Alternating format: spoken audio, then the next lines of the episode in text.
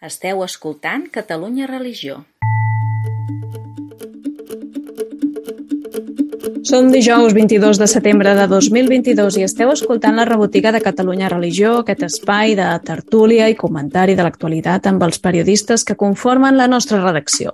Saludem la Glòria Barrete, en Jordi Llisterri i en Roger Vilaclara. Com anem? Hola. Veniu de turisme religiós, oi, Jordi i Roger? mm religiós.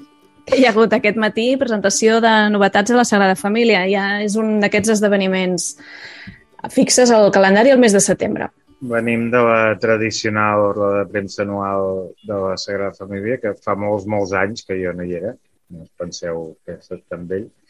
Era la, com presentàvem la col·lecta pel temple i ara que sortien els nens a les guardioles a recollir diners per continuar la construcció i gràcies a aquella gent, doncs, després això ha agafat més volada i ara no hem d'anar a fer la col·lecta, però continuen cada any doncs, explicant-nos quines són les novetats constructives del temple.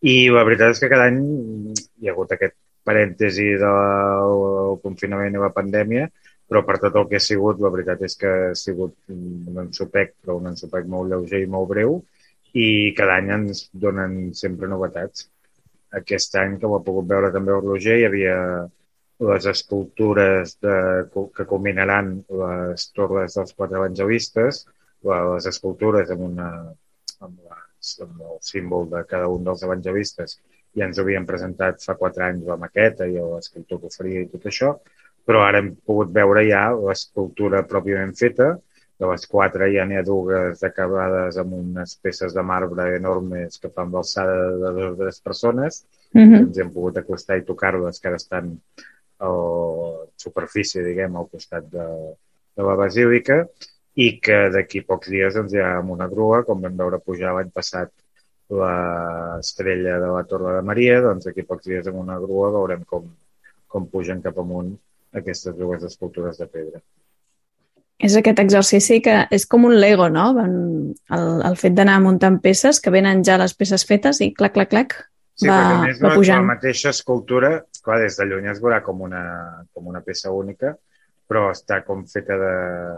Està, són tres o quatre peces encaixades. Sí, es Mm. veu aquí l'encaix, eh? Amb el bou. Uh -huh. Sí, i aquestes escultures, a més a més, cal afegir que falten les ales que ens han explicat que, que s'estaven acabant de fer, diguéssim, i que són unes estructures que en veritat fan créixer molt més l'escultura, perquè les ales, o sigui, queden per sobre del que és el cap del tetramorf, o sigui que encara seran més altes de, del que dona la sensació ara a peu de carrer, diguéssim.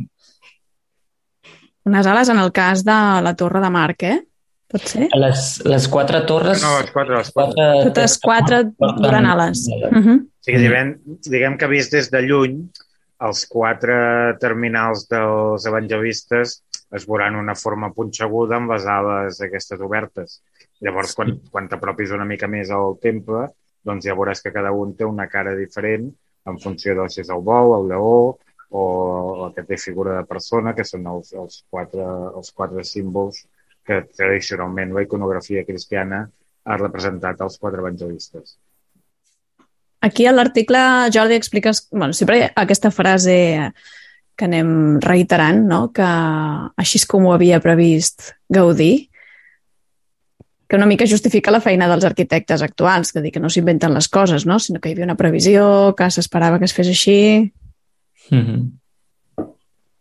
Sí, el, el, amb això ja ho hem explicat també altres vegades, que hi ha una continuïtat molt clara entre el mateix Gaudí, que va morir, diguem, de forma accidental i, per tant, no s'ho esperava, però que un dels deixebles va ser després el que va, va, va transmetre la continuïtat de l'obra al, al, em sembla que llavors ja va ser el, el, el, el Bonet, el Jordi Bonet, que va morir ara fa uns mesos, i l'actual arquitecte, que és el Jordi Faudí, de jove es va incorporar al projecte i va estar molts anys treballant amb el Bonet i, i ara és ell qui dirigeix les obres. Per tant, això també marca la continuïtat i sempre hi ha hagut la polèmica aquesta, que si això Gaudí no ho és tal i qual, però a veure, jo crec que és una polèmica en aquest moment bastant, bastant tancada. En el sentit de dir, uh, la polèmica pot ser-hi, però el temps s'acaba. Avança. I, uh -huh. i vull dir, fets, en tot cas s'acaba la polèmica per fets consumats.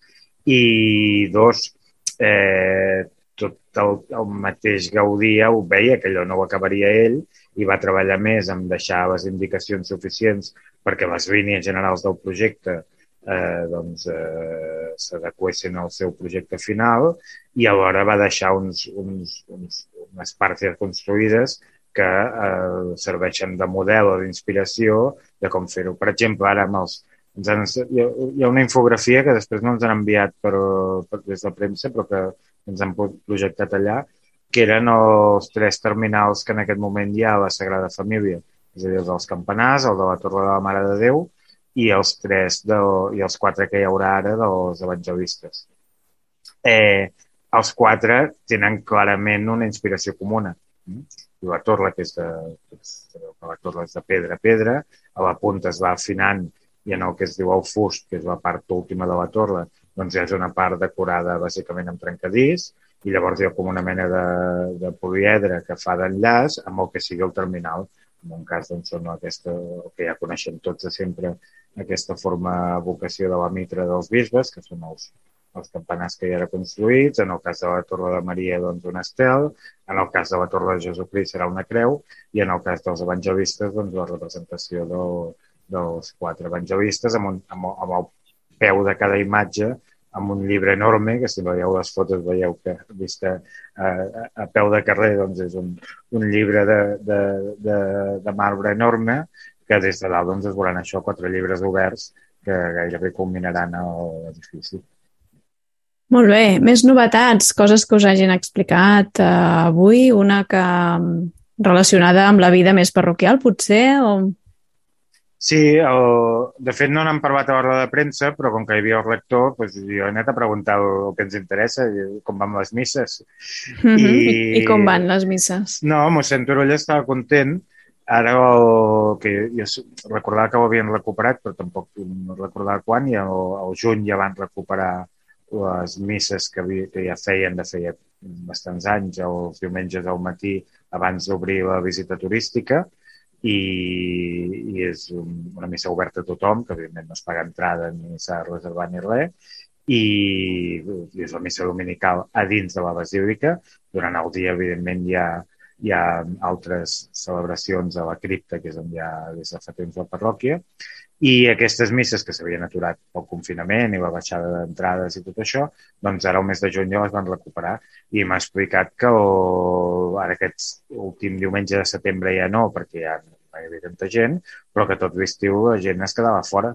I de fet, mira, alguns s'esperaven i llavors anaven a la, de quarts d'onze, que hi ha la missa a la cripta, doncs anaven a la missa a la cripta i això també fa que la missa de quarts d'onze, que és, diguem, la missa parroquial, una de les misses parroquials del diumenge al matí, doncs estigui també sempre plena a vessar. Mm -hmm. I això ja ho han recuperat i ara ha coincidit que la Sagrada Família feia temps també que d'una manera, diguem, esporàdica, doncs més o menys un cop al mes, dos cops al mes, hi havia algun acte extraordinari, alguna ordenació, algun, alguna celebració d'una festivitat, alguna, alguna trobada d'algun grup o moviment que també feia doncs, tancar el temple a les visites i fer que doncs, utilitzar-ho com a, com a, com a basílica, però fer en aquest cas una eucaristia, i que això ara aquest setembre ja ha coincidit que quatre diumenges seguits ja hi ha... Bueno, diumenges no, perquè un, un era ahir, però que ja... Vull dir que cada setmana ja hi ha, a part de la missa dominical, alguna activitat o altra que al final justifica també la, la construcció d'un temple d'aquestes dimensions. Molt bé, més coses. Roger, tu anaves a explicar alguna anècdota? alguna anècdota. No, en veritat anava a contestar la pregunta que en veritat jo crec que es deu fer molta gent i que, i que molts periodistes jo crec que mm, se l'anaven a fer, o sigui, la portaven preparada per la roda de premsa, que al final era quan s'acabarà la Sagrada Família i, i ha estat graciós perquè eh, el, en la mateixa roda de premsa el Faulí doncs, ja ha avançat, diguéssim, que cada moment no, no s'atrevien a posar una data no? I que la previsió era que el 2024 poguessin posar una data de finalització. No? Per tant, bueno, que aquesta és com potser la pregunta que de vegades és com que teníem molt clar que seria el 2026 no? i ara s'ha retrasat i, i doncs això que seguim sense saber quan s'acabarà però, però bueno, això. Però sí que el 2026, que era la data inicial, diguéssim, de finalització, hi haurà coses a presentar, no? I coincidint amb el centenari de la mort de Gaudí. Sí, han explicat que la idea era que el 2026 estigués la Torre de Jesús, que és la torre més alta, completa, que la intentarien acabar a finals del 2025 perquè ja estigués el 2026 feta o que, o que l'acabarien de completar el 2026. Això era una mica la idea que deien, que a mi això m'ha fet pensar que eh, fa uns anys enrere deien que el 2026 seria la data de finalització de totes les obres i a més a més avui també han, han fet com una llista de deures pendents i quan han dit els deures jo he pensat, ostres, jo crec que el del 2026 quasi que sort que han tingut la pandèmia perquè jo no sé si haguessin arribat perquè, vull dir, en, o sigui, no han atrasat un any, que és el que ha durat la pandèmia, això. Jo crec que ho han atrasat de, de Torre de Jesús ja dos anys, per tant, tots els deures que queden jo ho veig llunyà, la veritat, però, però endavant i som-hi. De fet, aquests dies que hi ha hagut l'enèsima polèmica de, de Renfe i Rodalies i l'estació de la Sagrera, a diverses entrevistes he anat sentint no, l'estació de la Sagrera s'acabarà abans que la Sagrada Família, però potser ara, quan acabem la Sagrada Família, haurem d'instaurar una altra mita a la, a, als barcelonins, que és quin dia s'acabarà les obres de la, Sagrada, de la Sagrera, que finalment la Sagrada Família s'ha acabat abans. Sí, sí. Glòria, Bueno, ara que comentava el Roger tots els deures pendents, no? M'ha fet gràcia perquè m'ha recordat a les construccions de, de vivendes i dic, si tot eh, sempre és el tòpic amb els obrers, no? Això quan triga una setmana i tothom sap que no, que s'allarga, sempre hi ha um, problemes, doncs jo he pensat, no, no, no, que facin bé les coses, eh? que encara no vagin amb presses, eh, que no pot caure i dic, també és cert que hi ha moltes, molt, molt d'aquests deures pendents que van en paral·lel. És a dir, són feines... No vol dir aquesta setmana ens posem a pujar això i, i, i tothom fa això. No, no.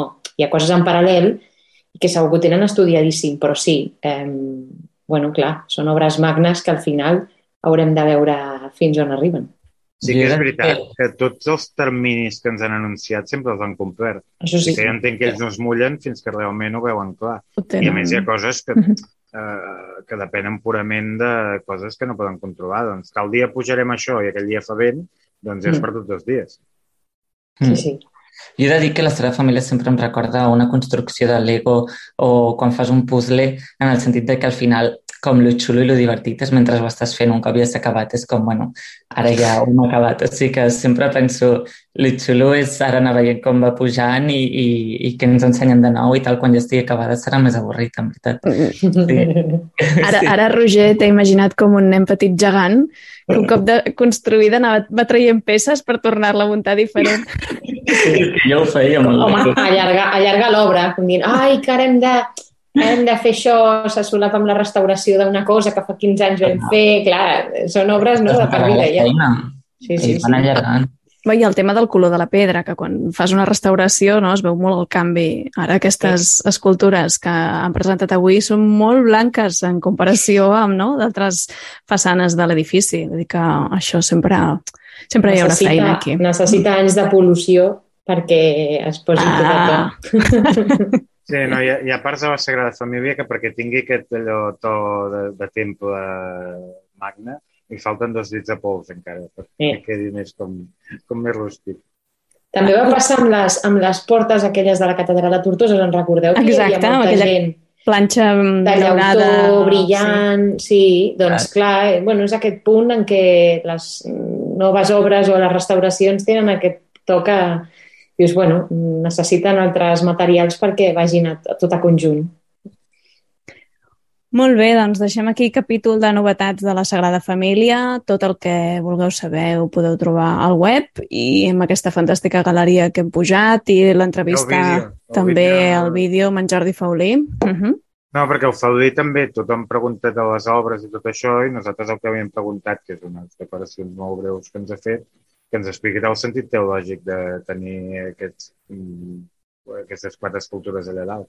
I això, hi ha una cosa que, que és molt bona de, de, de, tot aquest, de tot l'equip de la Sagrada Família, que en general, però en particular el Jordi Faudí, són persones que treballen amb uns coneixements teològics i, i una implicació personal de fer molt forta i això també és bo que ho expliquin, no només de si acabarem el 26 o el 27. Mm. Fantàstic, doncs uh, ho podeu recuperar al web. Més coses, us sembla que fem una ullada als articles més llegits de la setmana? Roger? Doncs som-hi als articles més llegits d'aquesta setmana. En primer lloc tenim l'article en què explicàvem que l'arcabisbe Vives, l'arcabisbe Vives havia assistit al funeral de la reina Elisabet II. En segon lloc eh, tenim l'ordenació del jesuïta Joan Morera. En tercer lloc hi tenim un, un recull de premsa que és una entrevista a Josep Ignasi Saranyana sobre l'Opus Dei. En quart lloc hi tenim la notícia que Xavier Fortuny és el nou secretari general de, de la URC. I en cinquè lloc tenim la crònica de, de l'acte, sobretot d'inauguració de la nit de les religions que va ser la setmana passada estupendo. Uh, bueno, aquesta primera notícia, no? la, la més vista de la setmana, tenim un arcabisbe català als, als funerals, no? De, a la funeral de la reina Elisabet. Tampoc ha sortit a, gaire, a gaires llocs, n'heu tingut constàncies. Va parlar molt del tema del rei, però...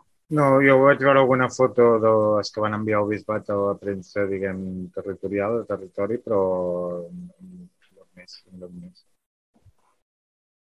No, no, he sortit a masses llocs i jo també havia llegit això, que, que havia sortit a, a pocs llocs, que a pocs llocs havien explicat eh, la seva assistència. És una de les fotos, per tant, no, que podem guardar així de la setmana. També té gràcia que, un, que el més llegit de la setmana sigui la foto d'un copríncep en els funerals d'Isabel II, després de tot el que hem parlat, que era un tema que tampoc havíem previst, senzillament. Um, i que expliquem una mica aquí també com funcionem, doncs escolta, estàvem allà a les redaccions, va arribar la fotografia i quatre ratlles i ho vam posar tal qual sense tampoc donar-hi una importància més enllà del, del valor que té, però en canvi, doncs, al final és el que acaba mirant més la gent que altres grans explicacions o altres grans històries que hem pogut explicar aquests dies. Mm. La Glòria fa cara de tenir alguna explicació per aquest fenomen. No, no, no, no, no cap ni una. Són teories d'aquestes eh, absurdes. Eh, jo sempre, sempre he pensat que tot el tema, bueno, no m'atreviria a dir folclòric perquè no, no és folclòric, però tot el tema de, que englobaríem a, a la premsa rosa, no? O sigui, matisa una mica. Sí. sí, és que no, no, no acabo de trobar el terme, però tot allò que, que sobrepassa, diríem, eh, bueno, les bodes reials, no? La, els funerals d'estat, els, eh, tots aquells actes on la gent, penso jo, que diu, bueno, d'això ja se'n parla prou, ja n'hi ha prou, però tothom ho acabem mirant, no? I, bueno, de, després aquest debat tan absurd a vegades a les xarxes socials de si certs mitjans eh, locals han de parlar d'això o mitjans especialitzats i, evidentment, després els lectors ens donen la raó en aquest punt. És a dir, al final el que busquem molts és això. De vegades són eh, notícies lleugeres, en aquest cas hem de recordar que la representació de, de l'arquebisbe és perquè ell és copríncep i no deixa de ser eh, un cap d'estat. Llavors, eh, evidentment, si vas al funeral i convides els caps d'estat, doncs ell també ha de ser. Mm, bueno, és aquest punt folclòric en aquest terme, és a dir, una mica més lleuger que el que estem acostumats. Funerals segur que n'ha fet molts, eh, però bueno, quan penses en tot el que es parlava del funeral de la reina eh, d'Anglaterra, doncs no ens podríem imaginar que estàvem parlant d'un arcabisbe català. Doncs mira, en aquest punt sí. També. Uh mhm. -huh. Sí que és significatiu que, per exemple, eh, sempre en temes d'aquests que tenen molta repercussió a nivell general, quan tractes d'alguna part que té, de la dimensió religiosa que pot tenir aquest tema i que en parlem a Catalunya religió, doncs sempre acostuma a tenir també més, més visites o més lectures com tema més intern nostre, per dir-ho així. Però per exemple, fa una setmana, o ja deu fer deu dies, quan va morir Isabel II, vam fer una peça molt ben feta de, explicant això de que era el cap de l'església anglicana o la reina, o, i ara el rei, doncs què volia dir, què representava, que em sembla que té un valor informatiu i fins i tot formatiu molt, molt més important que la foto que vam publicar i jo i no recordo que estigués al top 10 de la setmana. És ben bé que la dinàmica... Va ser una peça que ens sí. va donar més, bastanta més feina que agafar la foto que t'envien i posar quatre ratlles. Home, això segur. En donen fe la Glòria i el Roger, sí. No, però sí, tot, tot, aquest, tot el que envolta, jo penso, als membres de l'Església, ho hem, o sigui, ho hem vist en altres ocasions, fent coses eh, que no ens esperàvem, això sempre dona volada. No? En aquest cas, doncs, eh, potser la gent s'ha preguntat què feia l'arcabisbe allà. Doncs, bueno, a la peça s'explica que, que hi va com a, com a príncep que és, no? Mm, no a títol personal, amic de la reina, això ja no ho sabem, però vull dir, és, aquest punt que jo, quan dic folclòric, em refereixo a això, aquest punt mortal eh, que sovint no atribuïm a les persones d'església, potser erròniament, i dius, bueno, aquesta gent també té una vida a part, no? No, de fet, potser a nosaltres no ens va sorprendre tant perquè podem recordar que el, el funeral de Joan Pau II, que també va ser diguem, un funeral d'una moguda internacional bastant similar o igual al d'Elisabet II, eh, els caps d'estat estaven també davant i a més allà els van posar per l'ordre alfabètic de l'estat, no del representant, i el cap d'estat que començava a parlar era Andorra. Em sembla que, ara no recordo si estava el primer o el segon de la fila, diguem, d'una manera, i se'l veia molt a la, a la transmissió televisiva perquè estava en un lloc molt visible. Uh -huh. I no sé com els van ordenar que les fotos que hem vist on estava col·locat era un lloc més discret, per dir-ho així. I suposo que passaven per davant les cases reials i tot això. Però en, en, el, en el cas del Vaticà, que senzillament era el cap d'estat, fos rei o no ho fos, i per tant, eh, per ordre alfabètic, Andorra anava davant. Escolteu, potser és que és la setmana de, del bisbe d'Urgell, eh? perquè la segona notícia dèiem que és l'ordenació del Joan Morera, i ara a l'obrir la notícia dic, ostres, si la foto en portada, clar, qui el va ordenar, doncs va ser el bisbe d'Urgell. Home, déu nhi ah, quina agenda, no? Està... Tenen molta feina. Va fer més feliç anar a l'ordenació que no al funeral de la reina. Pues segurament. Evident, bueno, no sé, li hauríem de preguntar, però, però a priori sí. A priori sí. Bueno, espero que si li preguntem doni la resposta correcta. Li, sí, això és parlar amb els seus assessors abans de col·locar-li el micròfon davant. Uh, en tot cas, és aquí una salutació. Joan Enric Vives uh, pot comptar venir a la rebotiga sempre que vulgui a explicar-se.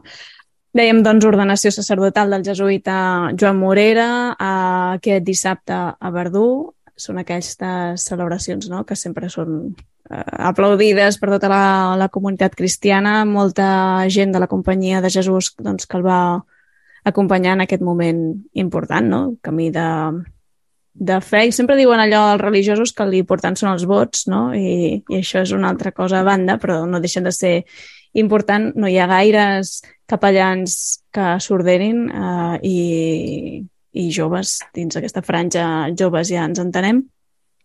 I en aquest cas, doncs, felicitar també per aquest pas i per la comunitat, no? doncs que guanya un nou sacerdot. No, i de les, a veure, evidentment els números són els que són i, i no tenen res a veure amb els de fa dècades. Però dintre de la, diguem, migrats que estan als números de vocacions, els jesuïtes, déu nhi les que tenen. No són que, no és que estiguin amb, amb, amb els números que, que voldríem, però déu nhi déu nhi la, la vida que tenen d'incorporació de nous, N'hi va ben. Uh, escolteu, en tot cas, siguin xifres altes o baixes, sí que ell, um, no, quan va, quan va tenir un, va compartir una petita reflexió i feia aquest símil entre no, el Ministeri deia que l'acollia com la, o sigui, la paraula ministeri ve de servei, no? però ell va fer el joc de paraules, Glòria, això abans també ho assenyalaves tu, amb el tema de... Amb, amb, amb el prefix, no? En aquest, bueno, el prefix no, però amb el, amb el terme mini, de, de petit, de baix, d'humil, i una de les referències que a mi més em va agradar llegint la crònica és la referència que vol ser un mossèn de davantal. Eh, més enllà de la imatge, no cal que es posi un davantal, però què representa no? el davantal? Doncs sempre és el, quan et poses al servei necessites això, no? com l'uniforme de, de treball. I em va agradar perquè te l'imagines i dius, sí, sí, sempre al servei i, bueno, on sigui, no? I està bé aquesta referència, que normalment sembla molt teòrica, però després es confirma no? amb les accions que fan que realment es posen al servei ell des de sempre i, bueno, doncs si és aquesta la seva voluntat, encara millor. El mínim sent. El mínim. Molt bé, més coses. Dèiem dels més llegits, ja no sé si teniu algun comentari més, sí que hi ha hagut destacada aquesta entrevista no? que, que es va publicar al, al punt avui a en Josep Ignasi Saranyana, que membre de l'Opus Dei, la Mireia Rourera no? li va fer un seguit de preguntes. Destacava el titular um, el fet d'anar a missa cada dia i a confessar un cop per setmana, no? que, que era una de les pràctiques que ell explicava doncs, que té sentit dins d'aquesta agrupació. Mm, algun comentari o puntualització? Sí que hi ha una cosa que, que m'ha agradat o m'ha sorprès o m'ha cridat l'atenció per la forma que té d'explicar-ho. Aquest home és una persona molt, molt intel·ligent. I molt pedagògica. I, i pedagògica, sí, sap explicar, i feia servir aquesta imatge dient que ser de l'opus exigeix una mica d'atenció.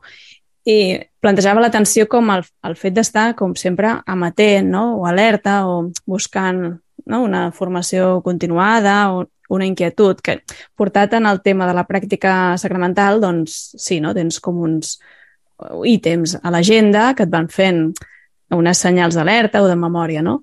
Però suposo que està ben descrita que aquesta sigui l'actitud d'un cristià, no? Ell deia que...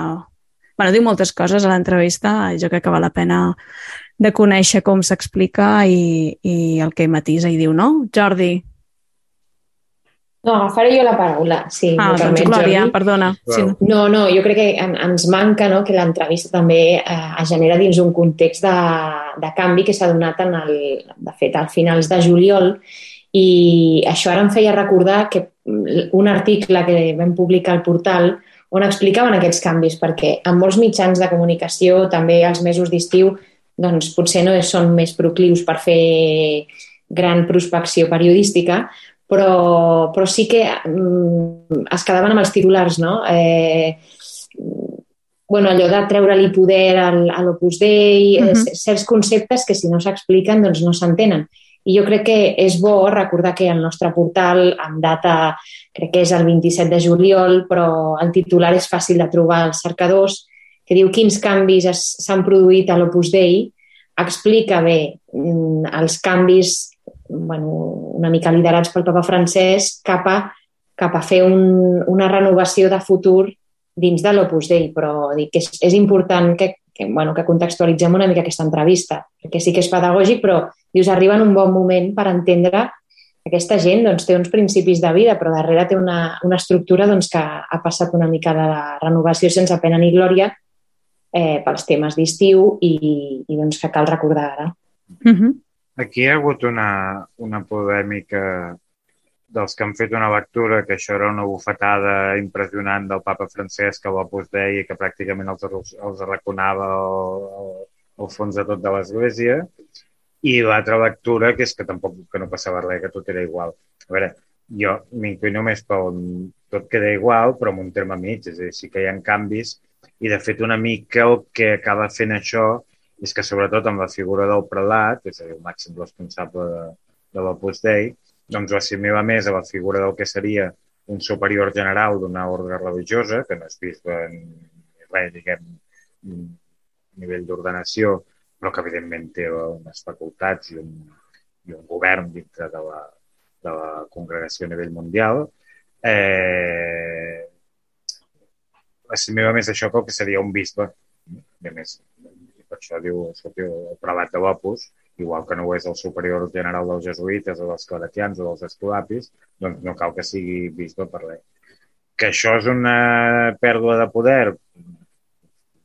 Depèn de com es miri jo crec que quan la gent que fa lectures de l'Església des del punt de vista de poder, doncs segurament amb les seves, amb les seves diguem, paràmetres de valorar això, doncs segurament valoraran que els jesuïtes són una institució molt de poder dintre l'Església, allò posat entre cometes. Doncs, bueno, que el prelat de l'Opus sigui o no sigui bisbe, doncs això diguem que no canvia el suposat poder que pugui tenir o no tenir entre l'Església. I aquí hi ha una cosa curiosa que m'explicava una persona vinculada a l'Opus Dei. Diu, mira, diu, sí, aquesta problema. Ells també sempre s'ho tira molt a l'esquena. Treuen ferro, no, el tema? I, i saben molt bé treure ferro. Però mira, sempre que hi ha temes d'aquests, al final acaba passant coses com l'entrevista mateixa aquesta a l'avui del Seranyana, que és una oportunitat també per explicar-se. Explicar-se. I ja va passar en el seu moment amb tot el que era el del Codi da Vinci, el Codi da Vinci, que també oh, pues, quedava molt malament, però allò també ells ho van aprofitar com una oportunitat per explicar, doncs, mira, això és així, que pot interpretar el que vulgui, però nosaltres el que fem és això i l'altre. I, I em deia, diu, i de fet tenim comprovat que en el moment en què hi ha alguna polèmica d'aquest tipus que dona oportunitat també a explicar-nos, doncs tenim gent que s'acosta a l'obra eh, preguntant. No, uh -huh. que, hi ha, que hi ha conversions en massa o Opus Dei gràcies a això, però que també és veritat que al final és allò que parlin de tu encara que sigui malament, no? Doncs, eh, doncs eh, aquest efecte, diguem, des de dintre de l'Opus Dei també l'han conegut. De fet, sobre això de que parlin de tu de qualsevol manera, diguéssim, uh, no sé si feu mai l'exercici d'anar als comentaris de les, de, dels articles, jo ho faig de tant en tant. A vegades és millor no fer-ho, eh? però perquè hi ha cada perla que... Sí, la Glòria té molta experiència en això. En aquest cas, uh, evidentment, hi ha, hi ha una mica de tot, estan, n'hi ha pocs i són bastant, o sigui, s'equilibren o es contrasten uns amb altres, eh? però surt aquella cosa clàssica de dir, escolta, jo no vaig a missa, però els que hi van no molesta que hi vagin. És un dels comentaris. Perquè, clar, sempre surt com a... Clar, a fruit del, del titular, no?, també, que, que una de les pràctiques habituals o que es vinculi, evidentment, com qualsevol cristià, el fet d'anar a missa, amb que obliguis a anar a missa a la resta, doncs eh, són coses diferents i la gent ho barreja absolutament tot, no? I arribem a un punt on fins i tot és criticable el que cadascú faci la seva vida privada. Escolta, doncs no, un respecte per la fe dels altres. Cadascú pensi i cregui el que vulgui, no? que, que és un bàsic i és un principi fonamental, però que te n'adones que és molt fàcil caure en això i que tothom s'hi abona quan pot, no? El Roger va fer encima el cap d'una manera entusiasta. Qui, jo? qui, Roger? Roger va fer encima el cap d'una manera ah. entusiasta. No, sí, perquè m'ha agradat el que ha dit ara la Laura de... Pues, bueno, això que... Bueno, sí, o sigui... Amén. No exacte, no vull repetir el mateix que ha dit ella, però diguéssim que he pensat, sí, amén, amb el respecte a la fe i que cadascú pensi com vulgui i que cadascú faci el que vulgui fer amb la seva fe, sí. Estupendo. Bueno, dintre uh... límits, també, ara. Sí, lògicament, dintre uns límits, sí, sí, sí, sí. Escolteu, no sé si ja sobre el tema dels límits. És que...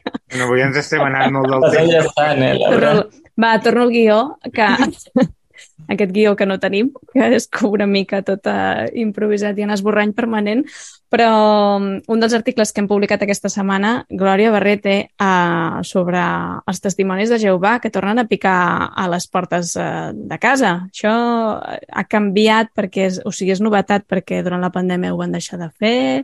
Uh, què què t'han explicat?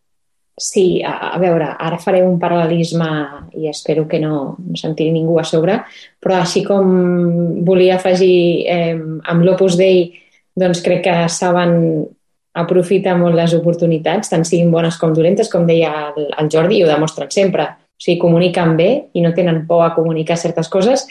Els testimonis de Jehovà, doncs és veritat que són una organització religiosa una mica més reàcia a sortir als mitjans, entenem també aquest rebuig perquè sovint doncs, no, no s'ha parlat gaire bé d'ells, però vam, vam entendre que era, era noticiable que un dels signes d'identitat claríssims del testimoni de Jehovà és que truquin a les cases per predicar la Bíblia, no? Tots que tenim alguna, és... sí. perdona, Glòria, tots tenim alguna experiència d'això. Clar, o sigui, jo, no. jo crec que si li preguntem al 90% el Roger, de la població... no, és home, aquell 1% que... No ho puc creure. No, no, no, no, no, potser, potser estava a classe potser estava a classe en aquell moment i no, no, no va farem, obrir la porta. No farem ara pública la teva adreça perquè vinguin no. a buscar. No, no, no, no, no. però, però és, era rellevant i, i és cert que durant anys enrere van virar una mica, diríem, la pràctica i la prèdica de la Bíblia eh, tots teníem en ment el, el porta a porta no? que feien, la prèdica domiciliària. Després van passar al carrer, que es van fer molt visibles però d'una manera també molt, molt distant, és a dir, hi som i qui vulgui doncs, eh, ja s'apropa, o sigui, no, no recordo haver vist mai els grups de tres persones eh, donant fulletons ni, ni a la parada del metro venent el, el seu llibret, no, sinó que estan... Ni, ni com et fan, però, però portal davant jo, que quan vas per allà que has d'anar saltant gent que et ve a vendre on Exacte, o sigui, ni, ni, ni una cosa ni l'altra, no? Perdudes. I havíem passat una dinàmica potser estàtica de, de pensar, bueno, ara què fem a, a la pandèmia que els va arraconar claríssimament com a tothom amb el confinament. Llavors, eh, han tornat al porta a porta des de l'1 de setembre a nivell mundial. Ells funcionen doncs, amb estructures locals, però sempre vinculats mundialment, i aprofitaven això per, per explicar també una campanya gratuïta i online de, de curset bíblic i llavors va ser una oportunitat per explicar, mireu, eh, els testimonis de Jehovà tornen a fer la seva prèdica domiciliària també, doncs per dir eh, allò que quan truquin a les cases de la gent no diguin ui, se havien ido. No, no, no han marxat, aquesta gent ha continuat la seva pràctica religiosa, l'ha adaptat i aquesta és la notícia. De fet, és, és l'excusa per recordar que els testimonis de Jehovà el que fan és uh, seguir la Bíblia i el que volen és ensenyar-li a la gent els preceptes bíblics i buscant informació, una de les coses també que ha passat, eh, malauradament sense pena ni glòria, és que des de l'abril del 2022 la Bíblia que utilitzen els testimonis de Jehovà té versió catalana. Um, bueno, és una manera d'apropar també doncs, els ensenyaments bíblics que ells utilitzen a, a la nostra pròpia llengua i doncs és remarcable això, no? recordar que aquesta gent, el seu principi bàsic és aquesta. I una dada curiosa que no he afegit en l'article, però que ja sabem tots que ens passa quan fem notícies d'aquest estil, és buscar personatges famosos que són testimonis de Jehovà i no ho sabia, potser vosaltres sí. Doncs eh, un dels que més m'ha cridat l'atenció, uns quants, eh, el cantant de Prince, bueno, Prince mateix, eh, Michael Jackson, Janet Jackson, eh, un, un gran exemple. Naomi Campbell, o sigui, no, no, no, no però gent que, que no pensaríem, la, les, les germanes eh, Williams, les tenistes, és a dir, bueno, vull dir, és curiós, perquè són gent que potser no ho diríem per, per certs tòpics, i sí, sí, busqueu a Google personatges famosos testigos de Jehovà i, i si voleu, la propera rebutia. Les germanes Williams? Ah, sí? Sí, Sí, sí, sí. Ara, eh, el, que s'explica, branca. Mm. el que s'explica també, molts d'aquests personatges que us comento eh, han tingut la pràctica des de la infantesa, però quan han començat les seves vides adultes potser han marxat d'aquesta pràctica, però tenen les arrels allà i també des de l'organització certs, eh, per exemple, Michael Jackson, quan va fer el seu videoclip de thriller, doncs l'organització va decidir que no, que no era correcte perquè semblava com una, propensió cap a l'espiritisme. Eh, bueno, és curiós, és... Eh, no sé, et dic... Eh, és un dels millors videoclips de la història. Bueno, eh, doncs, eh, bueno fa, fa, fa certa gràcia, no? I em curioseix bastant i penses, eh, la quantitat de gent que segueix aquesta pràctica, doncs, bueno, és, és força remarcable. Jordi. Jo, sí, Jordi. No, una acotació només, perquè quan surt el tema dels testimonis de Jehovà sempre hi ha la pregunta de si s'ha tractat com a religió, com no. Nosaltres, com un portal d'informació religiosa, ens n'hauríem de parlar o no. A veure, aquí hi ha el criteri de mm, estan inscrit en el registre d'entitats religioses i mm. no hi ha hagut cap Ministeri de Seguretat ni cap eh, de Justícia ni res que hagi dit vostès eh, tal hi ha sempre aquesta difícil frontera entre secta i religió, però això ho explica molt bé l'Estruc, és a dir, el, les actituds sectàries estan en qualsevol organització humana. O sigui, sí. també hi ha actituds sectàries en partits polítics i en sindicats o en qualsevol altre moviment. El problema és fins on arriben aquestes actituds sectàries i si realment la, la, el funcionament sectari és l'essència de la institució, que és ja quan llavors podem parlar podem parlar de secta. I en aquest cas sí que és veritat que aquí hi ha una cosa que sempre s'ha fet, que és que quan, en el cas de la Generalitat, quan dona dades a nivell d'enquestes de les religions de Catalunya, sempre fa tres paquets molt diferenciats. És a dir, per una banda els catòlics com a tradició més majoritària, després els protestants, que engloba tot tipus de tradicions i denominacions i esglésies molt diferents de l'àmbit evangèlic, i a part posa els testimonis de Jehovà, sigui que no, no, no els equipara a una església evangèlica més, com podrien ser els pentecostalistes, els episcopals o els anglicans o la branca que sigui, no? Eh, I això també ho de, bueno, és veritat que el cas de Testimonis de Jehovà i, i precisament es basen en, cur en cursos bíblics gran part del seu apostolat, però que diguem que dins de les branques del cristianisme ja és un cas molt, molt més a part que el que seria doncs, la, evidentment el, el, el catolicisme o, o l'ortodoxia o les altres branques que han anat sortint de, de l'àmbit eh, cristià. Sí, sí, per això parlem d'organització religiosa, no? perquè és un terme que no, no, no englobaríem amb església ni amb tradició religiosa inclús. O sigui, sí, és eh, aquest, aquest nivell de frontera que és bo, és bo haver afegit. Fantàstic aquest marc de... ens heu situat. Molt bé. Ara, píndola pedagògica sobre les categories de religions o no, no però és que categories, sempre, per què parleu d'aquests i dels altres? Doncs miri, perquè. -huh. estem aquí. Escolteu, no sé si deixar-ho aquí.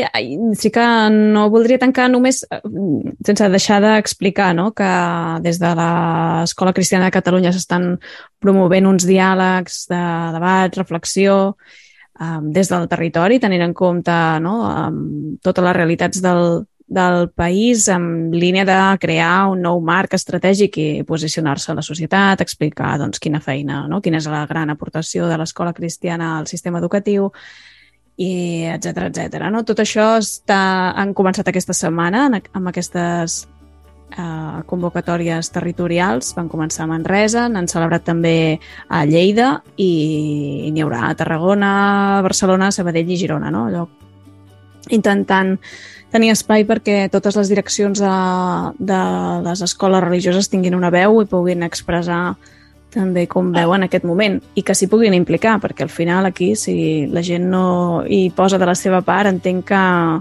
des d'una federació d'escoles de, no, poden dir el que vulguin, que, que calen molts actors i un, com molta massa crítica no, a l'hora de fer un tom a quina és la imatge que, que es dona o quina, quin és el coneixement real, social, de, de l'aportació de la feina que fa l'escola cristiana a casa nostra.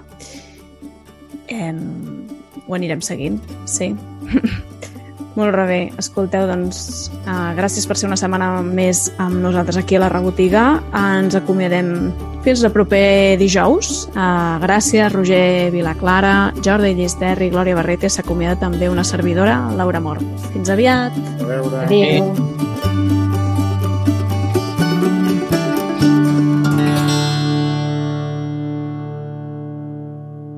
Catalunya Religió